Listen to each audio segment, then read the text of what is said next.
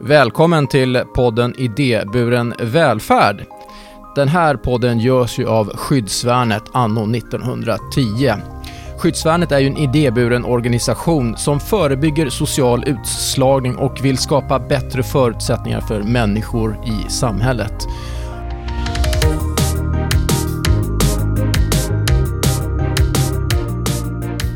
Jag som är programledare heter Thomas Tränkner.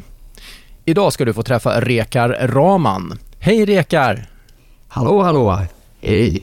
Hur är läget den här soliga vårdagen i maj? Närmare bestämt den 11 maj är det när vi spelar in det här. Du sitter i Stockholm och jag sitter på distans här i Linköping. Ja, det, det är härlig väder. Underbart. Tack, det är bra. Ja, Bra. men du jobbar på Skyddsvärnet. Kan du kort berätta om dig själv och vad, vad du gör på Skyddsvärnet? Ja, eh, jag jobbar på Skyddsvärnet eh, sedan 2013. Eh, ja, eh, jag har jobbat med olika former av eh, arbete. Idag jag jobbar på eh, Halvvägshuset i Bromma. Det är eh, ett sluss från anstalten eh, till ett eh, boende där vi eh, kallar det för ett halvvägshus med 26 platser på det Bromma. Men om vi börjar här från början. Du eh, sa att du nu är tio år här på Skyddsvärnet. Ja. Stämmer det? Ja, det stämmer. Vad var bakgrunden till att du kom in på Skyddsvärnet och började jobba på Skyddsvärnet? Ja, alltså i början var min resa på Skyddsvärnet så eh, jag började ju eh, jobba som trygghetsvärd där eh, med Safe och det är fortfarande i- de är ute i stan så jobbar som trygghetsvärdar. Och då var det nytt alldeles nyss. Det var ju, man kan säga jag var med på starten med Safe. Då är vi trygghetsvärdar så och vi är i stan eh, i säkerhetstorget. Jobbar mest med ungdomar som ja, försöker liksom folk ungdomar befinner sig i stan men ja, det där är bland missbrukare och, och kan man se lite på farligt zoom eller ja. Så att vi var där som stöd och försökte liksom fånga upp ungdomarna som hänger där och de behöver stöd och hjälp och ja, komma i kontakt med övriga myndigheterna liksom. Ja, vi har ju mött eh, Annabelle och Malin som jobbar på Safe med trygghet för unga i Stockholms city. Och det är väl framförallt inne på Sergels torg som det, de höll till, i varje fall då. Nu har de väl verksamhet på lite andra ställen också, tror jag. Ja, hur, hur, hur länge höll du på med det? Cirka två år. Ja, i två år. Och sen eh, då var jag eh, omplacerad eller bytte till eh, ungdomsboende eller flyktingboende. Då var det skyddsvärnet eh, för första gången öppnade ett eh, flyktingboende i, i Bromma. Där började jag jobba som ett kontaktperson på ett boende. Eh, men vi hade platser för 32 ensamkommande flyktingbarn. Men, ja. Så där var det på också i ungefär två år i Björka, Bromma. Efter det så började jag på stödboende i vuxna. du hade bara fram tills, eh, nu, fram tills alltså, efter att du var på Björka, Björka bara jobbat med yngre människor, stämmer det? Jag med yngre människor. Jag var för 2000, man kan säga vad var det, för 2017, 2015 fram till 2017. Så i två år Mm. eh, hade vi det boende eh, med ungdomar. Och sen efter det så började du med stödboende för vuxna som du skulle berätta om. Det gjorde jag. Eh, jag började jobba på eh, stödboende. Ja, och det är ju, ju framförallt i, i Björken, Skyddsvärnet har vi eh, lång erfarenhet och bred kompetens liksom, med stödboende. Så att där började jag jobba med vuxna som har eller har haft problem med missbruk och hemlösa och psykisk problematik. Mm. Ja, Björkas eh, eh, stödboende är ju en verkligt gammal verksamhet och eh, du som lyssnar på mig och rekar, gå gärna in och hör avsnittet som jag gjorde med Gunnar Engström där han berättar om historien, lite mer om just eh, Björka. Ja, hur var det att att vara på Björka? Alltså Björk är ju ett särskilt, jag skulle inte särskilt anpassa det efter individuellt behov av stöd, utan det, det är så här, eh, med boendeformen är eh, rusta personer för att bo eh, i framtiden på egen hand. Och det är ju använt som, eh, användas som stödboende. Och det är ju liksom folk som bor där med behov av stöd och vi som jobbade där är, är samordna insatser, eh, samordnade insatser för varje individ. Eh, erbjuder stöd, stödsamtal eh, med olika behandlingar och form. Liksom. Så att, eh, och, och det är ju, det är ju målet att de ska kunna bo i eget, eget tak, egen hand i framtiden. Det är någon slags förberedelse för att kunna ta hand om sig själv helt enkelt och bo på egen hand? Självständig, bli självständig på egen hand i framtiden. Hur länge var du på eh, Björka? Alltså det var nog fram till förra året, i fjol i mars. Ja, just det. Mars 2022 alltså. Så gick vi över till ett halvvägshus. Från stödboende till ett halvvägshus. Ja. Men vad är den stora skillnaden som du upplever mellan just Björka och eh, halvvägshuset i Bromma där du är nu? Alltså jag är fortfarande på Björka, Bromma. Eh, men idag var vi i eh, huset är det drivs av jag har ett avtal med kriminalvården så att det är ju, ju inte stödboende längre utan vi har ju lite kvar i stödboende, lilla stödboende på bottenvåningen eller ja, så med tre platser. Och det är ju skillnaden från det från det. Jag skulle nog säga att det var ju med socialtjänsten, på storboende då placerar, placerar man från socialtjänsten. Idag då placerar via kriminalvården, alltså går över till frivården. Idag på Halvvägshuset då är vi mer kontrollerade. Vi får se, se till gör det som kriminalvården liksom begär eller förväntar sig, eller som kräver för enligt avtalet. Men på storboende det är ju väldigt individer. Liksom. Ja, just det. Men är det inte så att de som är på halvvägshuset här via kriminalvården, de avtjänar ju sitt straff fortfarande va? De avtjänar sitt straff fortfarande, så de är inte helt, liksom, inte klart med deras straff. Så utan det är mer kontrollerar att de ska, de ska se till göra det som de ska göra enligt, enligt det här eh, VSB, som vi kallar det, eller enligt de är väldigt begränsade. Men när man är på jobbar på stödboende, då är ju inte det. det ju, utan det är ju varje, varje person har ju behov av olika stöd. Liksom. Så det är ganska stor skillnad. Tio år på skyddsvärnet. Hur kommer det sig att uh, du har blivit kvar? Man frågar varför jag varför ska jag inte vara kvar? Jo, utan det, jag, jag trivs på skyddsvärnet. Och, och det är ju, det är ju, känner mig, vi gör ett fantastiskt arbete. Skyddsvärnet är, ju en ideell förening som har funnits eh, sedan 1910, eh, över 100 år. Så det brukar säga det sägs ganska mycket när man bara räcker med att säga att skyddsvärnet har funnits 1910. Jag har jobbat väldigt långt tillbaka, jobbat med människor i socialt arbete. Eh, jag har fått möjlighet att utvecklas jättemycket genom arbete som person. Det där intresserar mig. På vilket sätt då? Kan du sätta lite ord på hur du har utvecklats som person under de här tio åren på skyddsvärnet? Och i de här olika rollerna som du har haft? Genom att eh, samverka med, med eh, myndigheterna och att bemötande män, bemöta människor, arbeta med människor med olika former av behandling, med stödsamtal. Så som som personal, när man jobb, som medarbetare jobbar på skyddsvärnet så har man haft och fått eh, liksom, möjlighet att gå ut på utbildningen, liksom på seminarium, massa kurser så har man ju liksom ökat sin arbetskunskapen genom sin roll, det man jobbar med. Framförallt bemöta människor, ge eh, stödsamtal.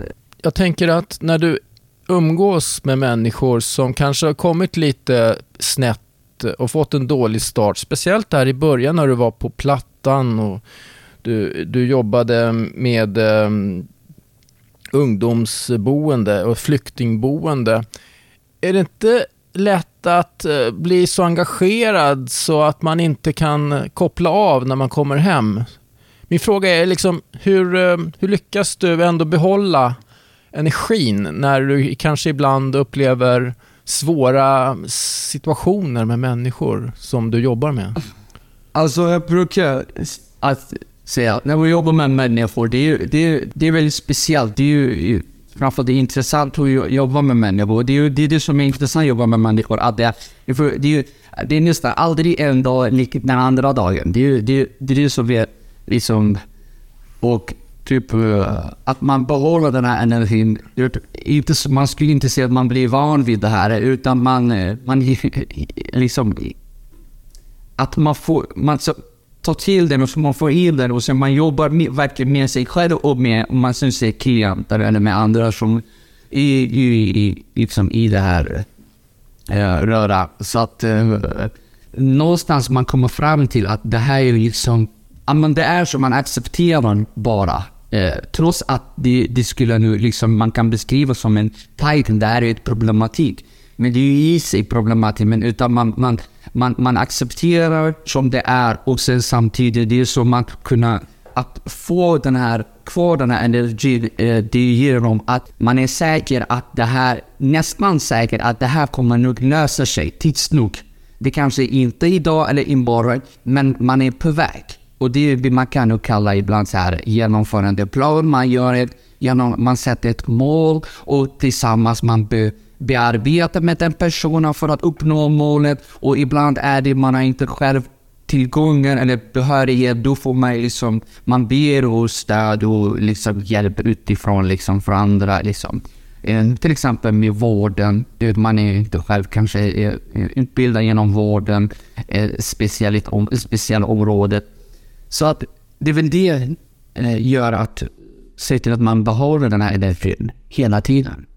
Eh, och sen eh, också att i det här liksom man, eh, man ser liksom man har ju liksom, ser ju att vissa verkligen kommer längre fram. Liksom man vänder ju på det här alltid.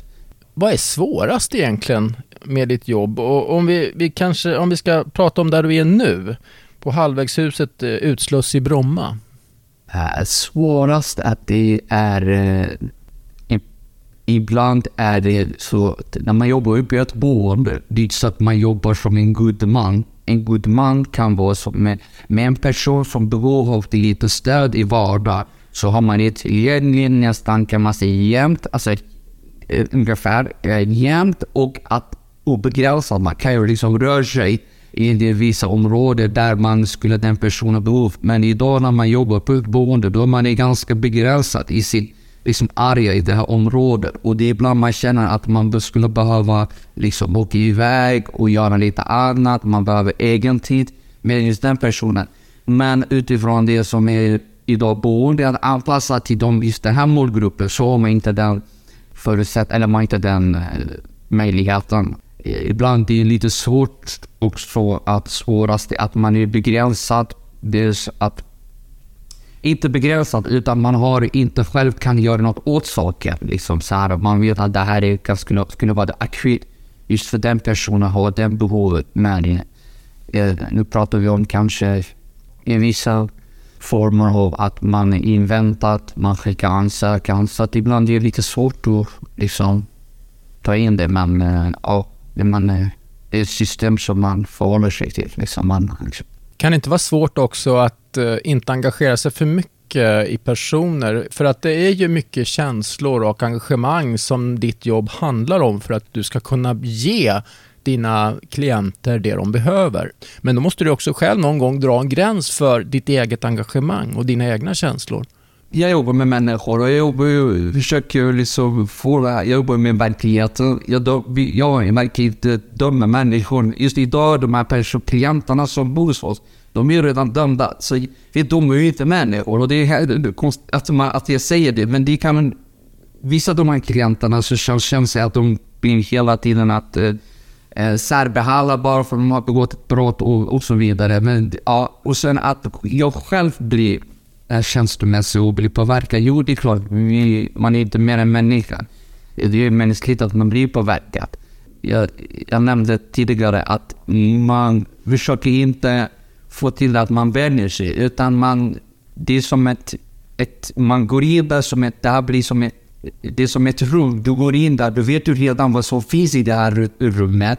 Du kan inte förvänta dig att det, det här är, är, saker och ting i det här rummet är, kan förändras bara om jag går in. Det är en knapp. Det funkar inte så. När jag är på väg till mitt bo, det det boende, då vet jag vad som kan förväntas och kan hända och vilka typer av klienter som bor där. Så det är inte så mycket jag kan välja. Utan också då man bearbetar med sig, med sina känslor, med sina tankar, att hantera det. Och det är ju det är väldigt brett eh, i dem att man jobbar med människor. När du eh, vaknar på morgonen och ska jobba och sen ger du dig av hemifrån på väg till jobbet, vad tänker du på då? Hoppas att det är lugnt idag. på jobbet. Är det så? Ja, men äh, hoppas att det, ja, jag bara säger, hoppas att det blir lugnt då idag. Eh, och, och, vad menas, alltså lugnt? Jo, det är så här eh, att äh, det kan ändå vara som helst alltifrån det. men äh, ja, ibland det blir lite, kan bli lite rörigt men äh, man får alltid hoppas att det blir lugnt. Och, och det är det oftast. Det är, det är relativt lugnt. Men eh, om jag ställer en följdfråga då, om vi tänker oss en dag där det inte kanske har varit så himla lugnt eh, och eh, dagen är slut och du lämnar arbetsplatsen och på väg hem eller vart du nu ska. Vad, vad, vad finns i ditt huvud då? Ja, det som kan snurra i mitt huvud efter jobbet, att det, ja, det, jag känner, det var en tuff dag och jag behöver ta det lugnt bara. Om vi skulle göra lite reklam för andra som funderar på att jobba på det sätt som du gör. Vad skulle du vilja göra om du stod eh, på en scen och skulle göra lite, ja, prata väl för ditt jobb? Vad skulle du vilja säga då? Det bästa med mitt jobb är att eh, jag genom mitt arbete, jag träffar uh, otroligt många människor och, och att jag har den möjligheten att jag kan göra en skillnad, i, hjälpa människor och eh, få dem att må bättre. Och att ge dem stöd eh, och eh, att bli mer självständigt på framtiden. Rekar, nu har du ju varit på skyddsvärnet i tio år. Um, framtiden då? Vad tänker du om den och dig själv och din, vad du vill utvecklas till eller jobba med de kommande tio åren? Nu känner jag att jag känner att jag vill jobba kvar på Björka och med just de här eh, målgrupperna eh, eh, på ett halvvägshus. Rekar, innan vi slutar, är det något mer som jag borde fråga dig som jag inte har frågat om, som du gärna vill berätta om?